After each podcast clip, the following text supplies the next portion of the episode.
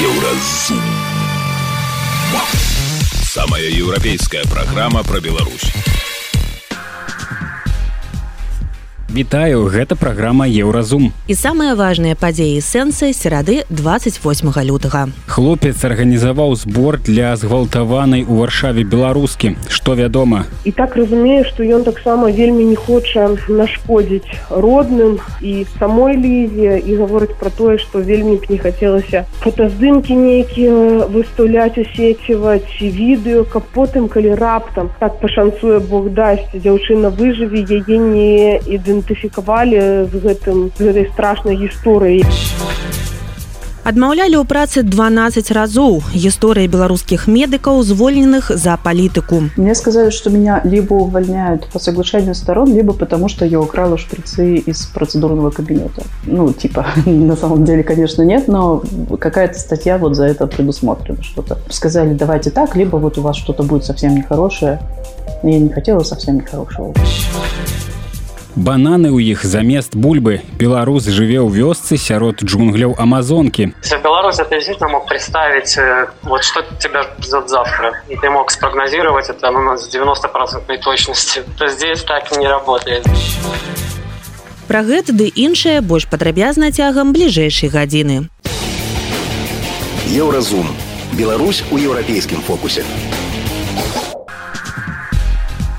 ад мінулай нядзелі варшава не можа апрытоміць ад шоку раніцай у цэнтры горада мужчыну ў балаклаве напаў на дзяўчыну прыставіўшы нож да горла спачатку прыдушыў яе а потым згвалтаваў непрытомную дзяўчыну знайшоў ахоўнік будынку якім і адбылося здарэнне Ахвярай апынулася 25гадовая беларуска ліза. Яна знаходзіцца ў коме ў лякарні. Дактары настроеныя песімістычна. Падазраваны аператыўна затрыманы ля пад'езда свайго дома. Яму выстаўлены абвінавачванне і калі яго віна будзе даказаная, яму пагражае 25 гадоў турмы альбо пажыццёвы тэрмін. Хлопец лізы родам з Украіны яго завуць Даніла кажа, што дзяўчына бавіла час сябрамі і была атакаваная злачынцам літаральна праз 5 хвілін пасля таго, як тыя разышліся. Даніла арганізаваў дабрачынны збор сродкаў на дапамогу лізе. У апошні час яна не працавала і не мела медыцынскай страхоўкі. За суткі на рахунак поступила больш за 82 тысячи долараў. Еўрарадыё пагутарыла з журналісткай валярынай куставай. Яна трымае сувязь з Данілам і распавядае распавядае апошнія навіны пра стан беларускі натуральна что я захацела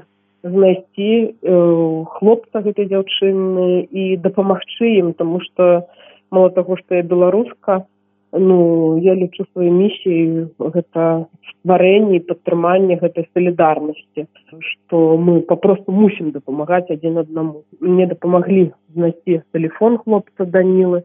І гэта было конечно складана але я вырашыла патэлефанаваць бо разумею які цяпер шквал просто інфармацыі і контактаў і каментароў на яго скінуты. І так атрымалася что у нас атрымалася э, камунікацыю якой ён мне э, даверыўся.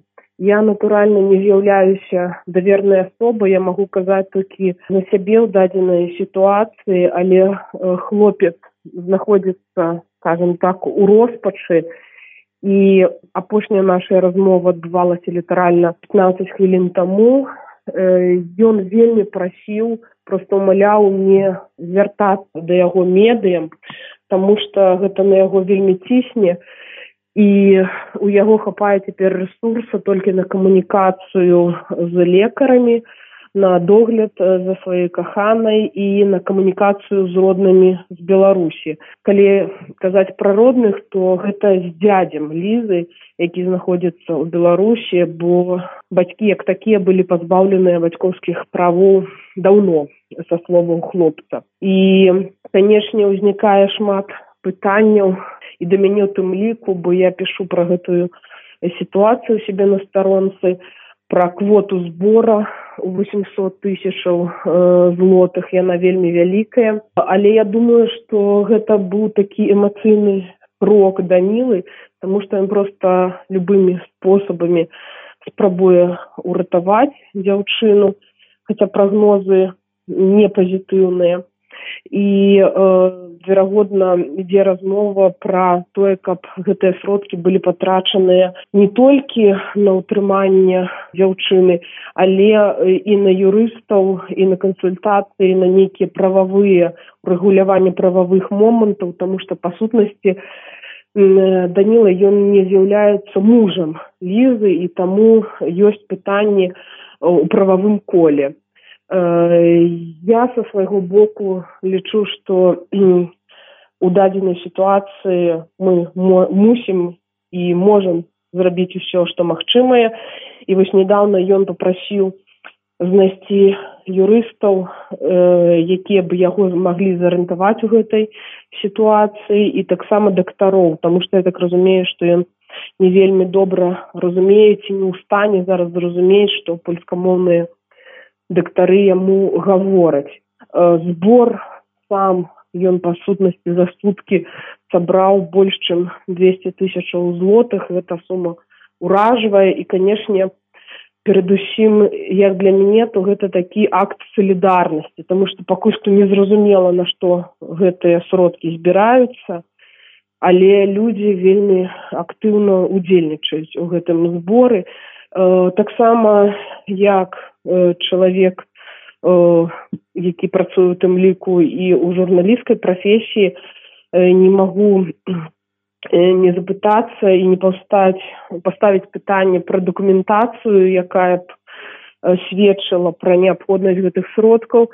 Але я вельмі веру што гэта сапраўды пойдзе на рэабілітацыю лізы што яна зможа прыйсці ў сябе ці прынамсі на нейкія вырашэнні юрыдычныя датычныя далейшага лёсу увогуле яе. Вось такім чынам.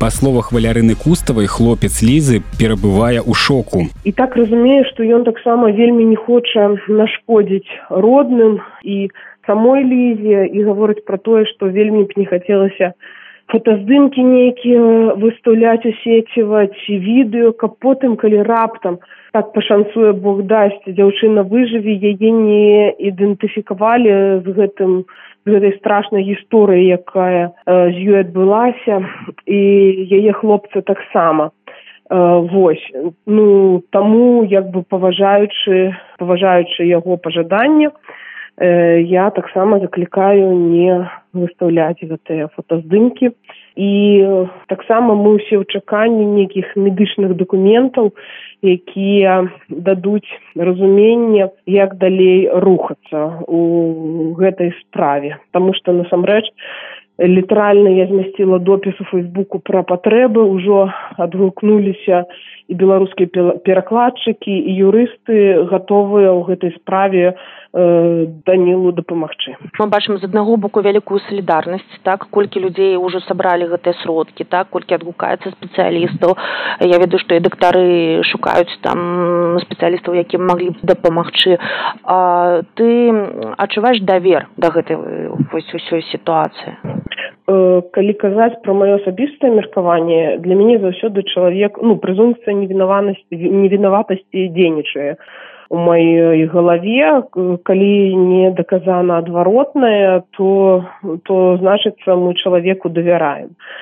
І я думаю што польшча гэта не тая краіна у якой можна сабраць там мільён злотых і знікнуць ну ні на што. Я думаю гэта ўсё Э, адбудзецца і пройдзе праверку і будзе легальна. Я вельмі хачу каб гэтыя сродкі сапраўды былі скіраваныя мэтават але я не раблю ніякіх заклікаў далучыцца да збора. Для мяне важна менавіта дапамагчы гэтай дзяўчыне. І таму я дзейнічаю ну хутчэй у такім кантэксце што зрабі што можаш тут і цяпер. То бок знайдзі лекараў знайдзі юрыста. А калі будуць нейкія медычныя паперы з квотамі Э, тады можна будзе гаварыць ужо пра зборы мне здаецца гэта больш лагічна але я ў гэты момант не страчваю блізкага чалавека ў шпіталі таму логіка гэта такая справа якая можа прыходзіць і сыходзіць Гэта была журналістка Валярына Кустава. Яна распавяла пра камунікацыю з Данілам хлопцам згвалтаваны ў варшаве беларускія лізы, за жыццё якой змагаюцца дактары. Еўрарадыё кропка FM.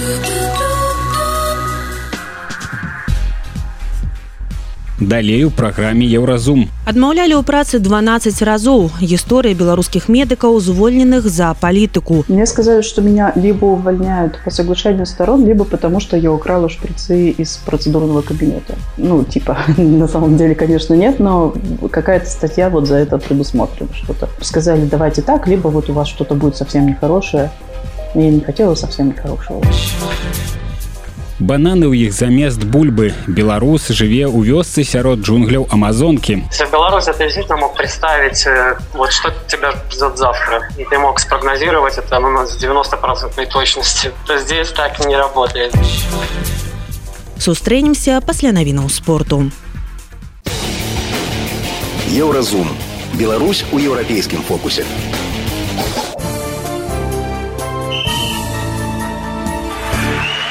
На еўрарадыё навіны спорту.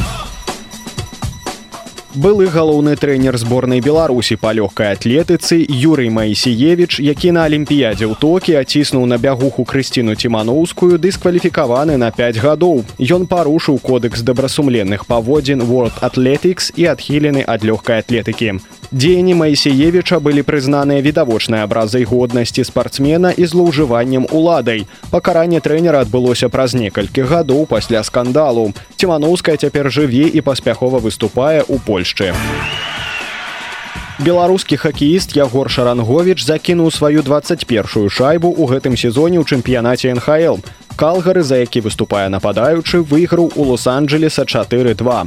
Шаранговіч закінуў пераможную шайбу. Ён у 59 гульнях набраў 39 ачкоў. Лінейны Вячаслаў Шумак падоўжыў кантракт з гандбольным клубам мяшкоў брест. Гатбаліст дэбютаваў у яго складзе ў далёкім 2006 годзе і правёў ужо 578 матчаў. Гэта рэкорд каманды. 5 галоў забіў Эрвін Холланд у матчы 1-8 фіналу футбольнага кубка Англіі. Манчестер Сіці выйграў у гасцях у Лутан Сіці з лікам 6-2. Я блізкі да сваёй лепшай фізічнай формы і нарэшце адчуваю сябе добра. Наперадзе захапляльны час, сказаў форвард пасля матчу. Гэта былі навіны спорту, заставайцеся на еўрарадыё. Еўрарадыё. Моц настрою.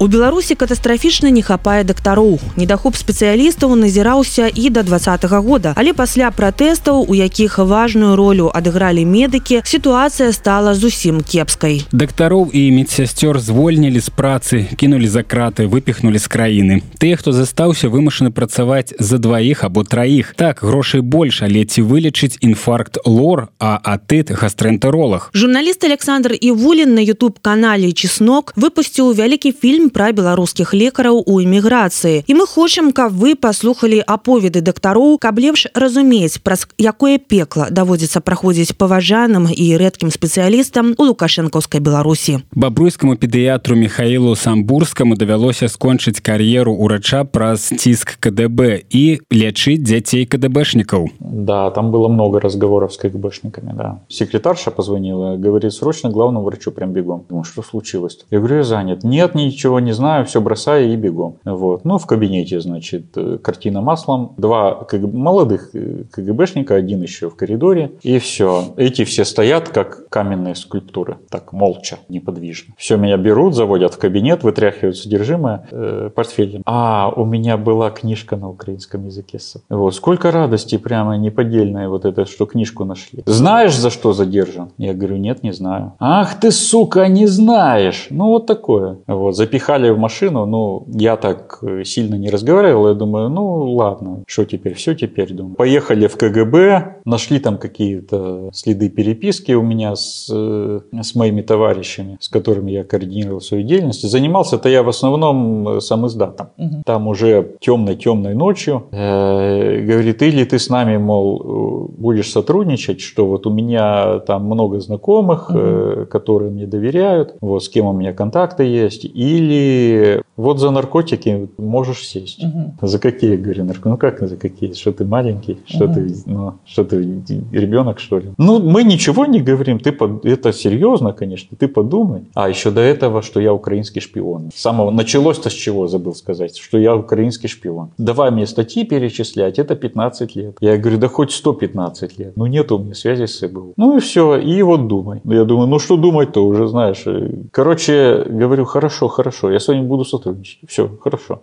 Ну ладно, ладно, все, тогда иди домой, все. На сегодня вопросов нету, там потом с тобой еще пообщаемся. Ну, пришел домой где-то в 2 или в 3 ночи. Жена там в шоке, не дозвониться, ничего не могла. А, еще строго было запрещено жене. Угу. Строжайше. Как спали ту ночь? Или не спал? Не, ну спал, ну что, ну, ну что теперь? Помереть теперь, что ли? Угу. Наоборот, надо как-то это. Хорошо, что, хорошо, что живой, угу. что вообще оттуда вышел. Это очень большое достижение. Угу. Мог бы и не выйти. А пришел на работу на следующий день, меня уволили уже, оказалось. Стоять. Очень удивились. Вот такой вот. Вот такой прикол. То есть вы вот вас тогда забрали? Да. На следующий день утром в 8 утра. На следующий день, ну а что? Ну что, работу надо идти. Я к 8 пришел. На такие глаза. На меня никто э, вообще не ждал. Они сильно удивились, они были уверены, что больше меня не увидят никогда. Секретарша тоже пришла, так помялась, помялась.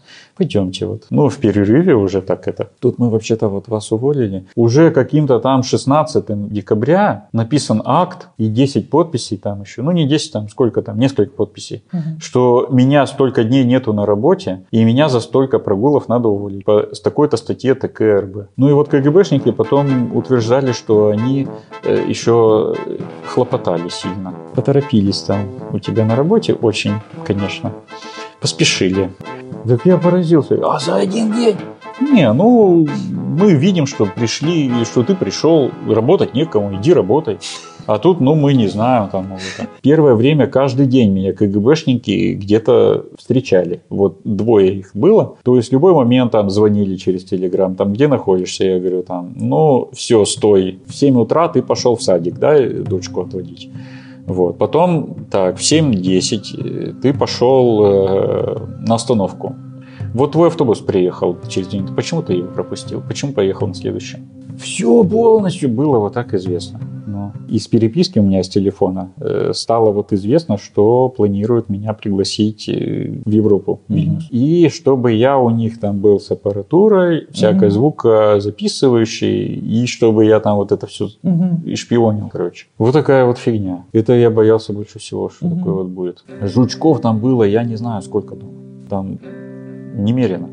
То есть то, что я жене на ухо говорил, Э, ночью в постели супружеской, извиняюсь за такие подробности. Они знали потом, что так что потом говорит. Мы потом вообще разговаривать перестали.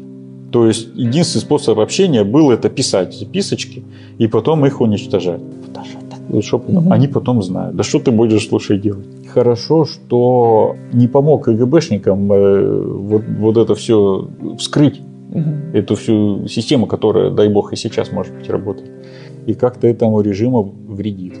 Я в шоке от вашей истории про КГБ. Это жесть просто. Так самое, самое, что верх цинизма какой? Это жесть просто. Верх цинизма в том, и они не стеснялись показывать э, мне своих детей. То есть они приезжали со мной, садили меня в машину, везли еще своих детей показывать.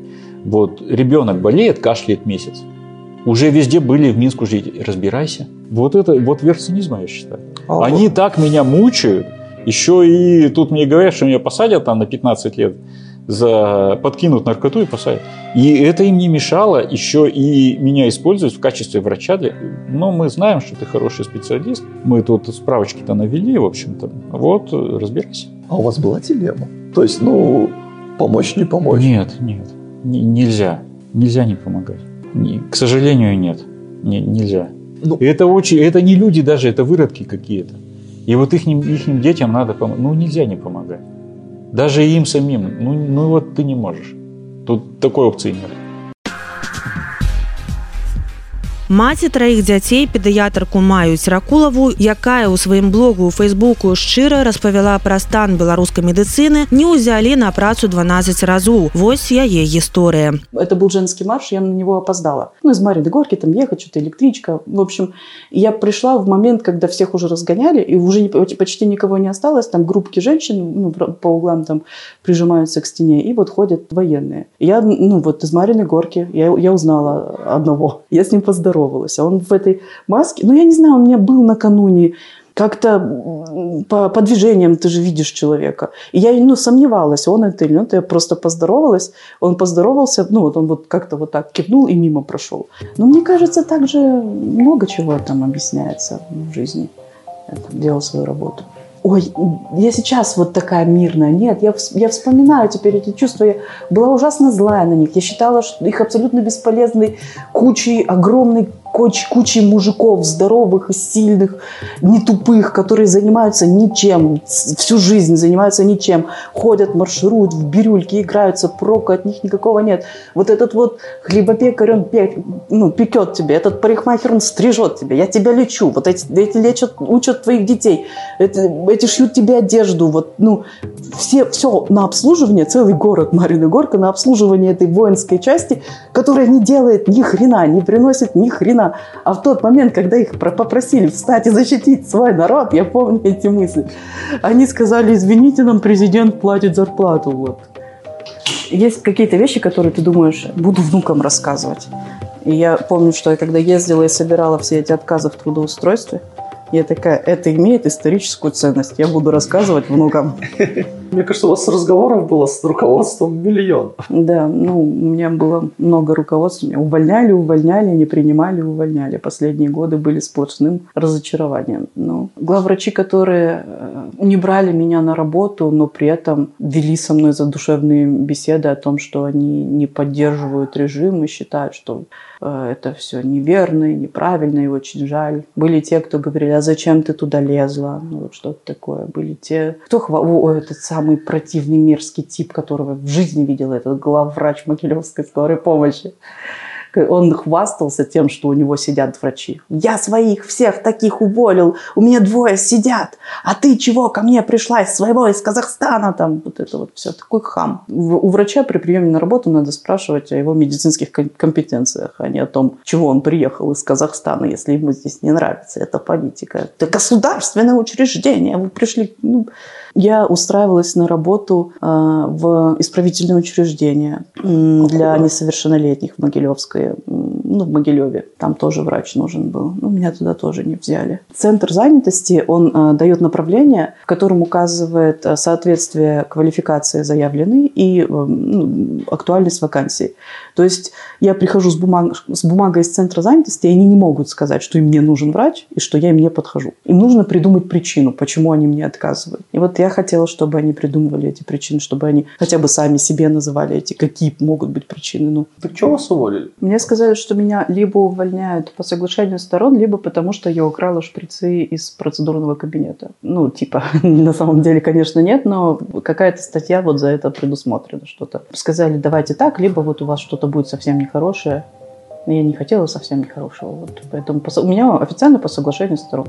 Хотя, может, надо было там что-то упираться. Но что-то я такая была уставшая, я не знаю, такая уже... Это же было совсем не первое. Первый раз мне не продлили контракт, потом мне четыре раза отказывали в трудоустройстве в Минске. Потом я с трудом вот после этих четырех отказов нашла работу в Бобруйске. Потом меня опять увольняли из Бобруйска после некоторого количества предварительных бесед. Последний был такой рывок, когда я думала, что я останусь, у меня получится, я хочу быть врачом, я на скорую устраивалась. И там, ну, так э, достаточно жестко отворот-поворот вот этот вот, и стало совершенно понятно, что ну, оставаться в Беларуси значит туалеты мыть, да? Этим же пугают, да, пропагандисты. Вы уедете и будете. Нет, вот оставаться в Беларуси значит. Начала остаться совсем без работы. Я не тот врач, да, про которого можно сказать, ах, как много страна потеряла. Я достаточно, ну, Рядовой. Рядовой, да, специалист, но с другой стороны, дефицит участковых педиатров может э, почувствовать на себе каждый родитель в Беларуси. Это, правда, дефицитная профессия. Если ты звонишь, можно просто экспериментом позвонить в любую поликлинику, любой ну, в стране и спросить, участковый педиатр нужен, и отдел кадров весело ответит, да, конечно, пожалуйста, приходите. Мы паслухалі гісторыі звальнення ўрачоў педыятараў у сучаснай беларусі. То бок краіне бракуе спецыялістаў. Калі ты маеш меркаванне адрозныя ад лініі партыі на працу ў беларускай медыцыне не спадзявайся. Пры гэтым згодна з артыкулам 33 канстытуцыі Рэспублікі Беларусь кожнаму гарантуецца свабода меркаванняў перакананняў і іх свабоднае выказванне. Еўрарадыё. Твоя улюбёная хваля далей у праграме еўразум бананы ў іх замест бульбы беларус жыве ў вёсцы сярод джунгляў амазонкі беларусь ты действительно мог представить э, вот что тебя ждет завтра и ты мог спрогнозировать это у нас 90 процентной точности то здесь так не работает сустрэнемся пасля навінаў шоу-бізу еўрарадыё твоя улюбёная хваля шоу-біз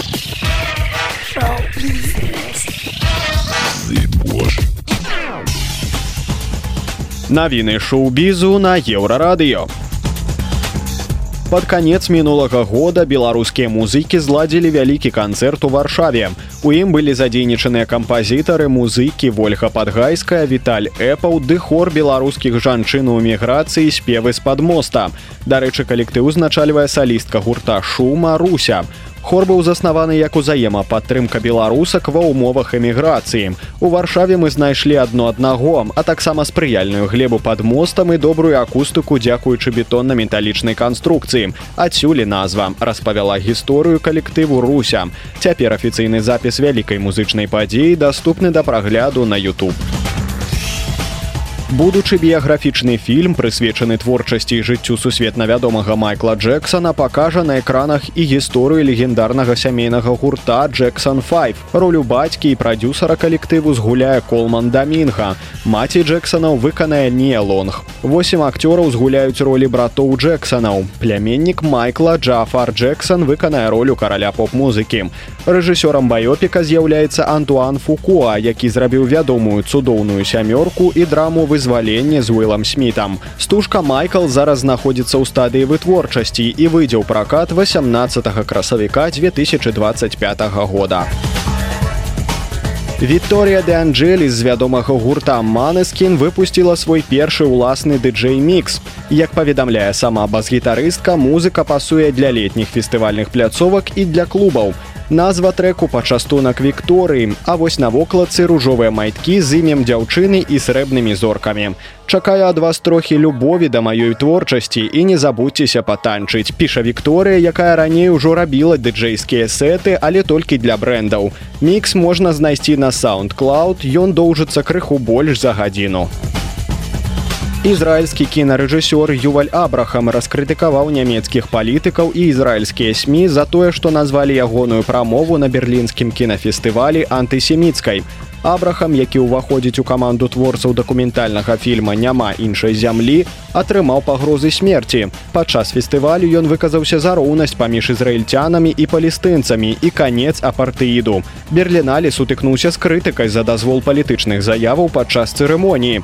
Абрахам і яго калега рэжысёр Базель Адра таксама заклікалі да спынення агню ў газе і дэакупацыі заходняга берага. Гэта былі навіны шоу-бізу, заставайцеся на еўрарадыё.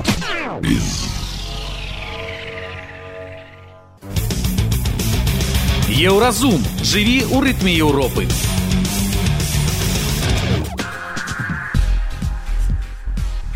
А цяпер гісторыя пра беларуса, які пасяліўся на іншым краі свету. Яшчэ надоечы, каб заліць відэа на YouTube Андрэй плыў на лодцы па амазонцы да найбліжэйшага вялікага горада. Цяпер у яго закінутую ў джунглях вёску правялі інтэрнэт, ён можа свабодна камунікаваць з цывілізацыяй. Розніца паміж Беларусю і Перу 8 гадзін. Калі мы тэлефануем Андрэю на фоне крычаць то пеўні, то папугаі. У мясцовых вёсках птушкі адрозніваюцца ад беларускіх. Мясцовыя жыхары жыхары ні разу не спыталі у Андрэя чаму ён пераехаў у перу. І мы так зразумела што калі некуды і пераязджаць то у амазонскія джунглі Для нас жа гэта невідавочна таму мы паспрабавалі выцягнуць з Андрэя гісторыю пра яго шок і нягоды жыцця ў джунглях. Але Андрэй запэўнівае што самым складаным выпрабаваннем была змена гадзінных паясоў. Падрабязней пра незвычайнага беларуса ў рэпартажы еўрарадыё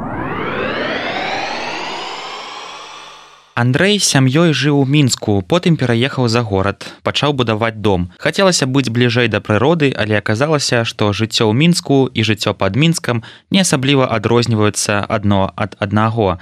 Ведаючы што цяпер Андрэй жыве літаральна ў джунглях можна зразумець чаму пад мінскам яму не хапіла прыроды. Ну каждый день разный тут действительно в этом плане по-другому все если в беларуси ты действительно мог представить вот что тебя ждет завтра, и ты мог спрогнозировать это ну, с 90% точностью, то здесь так не работает. Здесь время все по-разному.